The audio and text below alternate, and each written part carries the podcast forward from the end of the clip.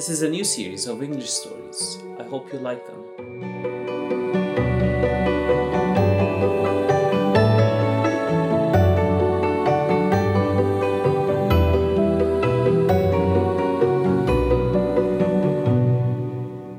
On one hot summer day, Mira was back in Lebanon, visiting her great grandparents up in the mountains. She was with her friend Kareem, who was also coming from abroad after a long winter.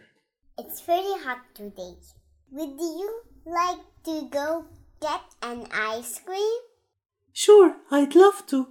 Mira ran to her dad and asked for some pocket money to buy ice cream for her and Kareem. بابا بليز اعطيني مصاري حتى to غزة إلي ولا كاري.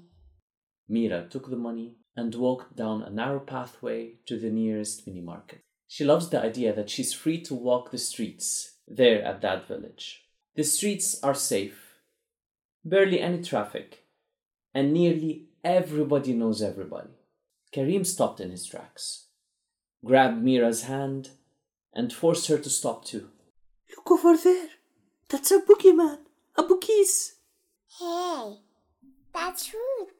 That's rude to say. He's no boogeyman. Yes, he is. Look at him. He matches the description of what my grandma told me. Check out the bag he's carrying. This is where he hides the kids he kidnaps and takes away. Stop it. He's just a d- dust man, a garbage collector. He collects trash, not kids. Mira continued to walk towards the market. Where are you going? To the market to buy ice cream, remember? And I'm just going to say hello to that man. My mom said we shouldn't talk to strangers. We don't have to, yes.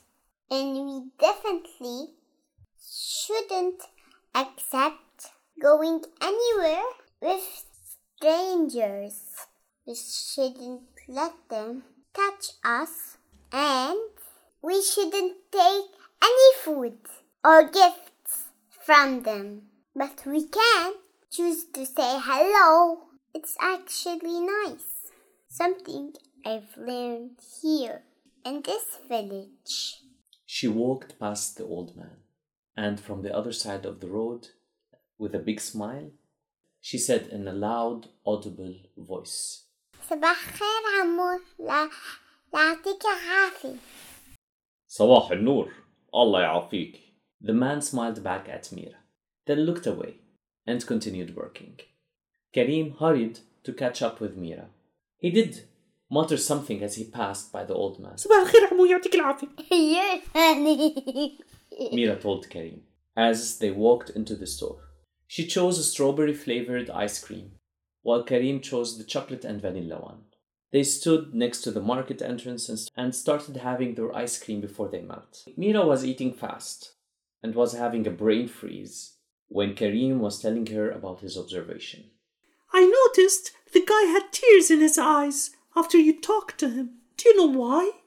I can only assume it was a tradition to say hello to the older people and those who are working hard. Not many are aware of such traditions anymore.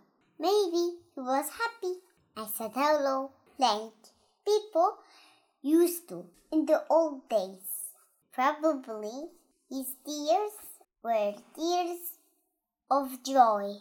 Well, I think you just reminded him of his grandchildren. They must be living abroad, and he misses them a lot. Oops! Kareem's ice cream was melting real fast. He tried to save the part that fell on his shirt, but the remaining part in his hand fell to the ground, and he started crying. We'll get you another one tomorrow. Let's meet our friends. They must be waiting. Okay. Cheer up. Let's race. If you win, I will get you that ice cream today instead. They ran down towards the village's sports club, where everybody was already waiting for them and ready to play football. Mira stood still for a moment and thought to herself, This is where Dad used to play when he was my age. Mira, are you coming?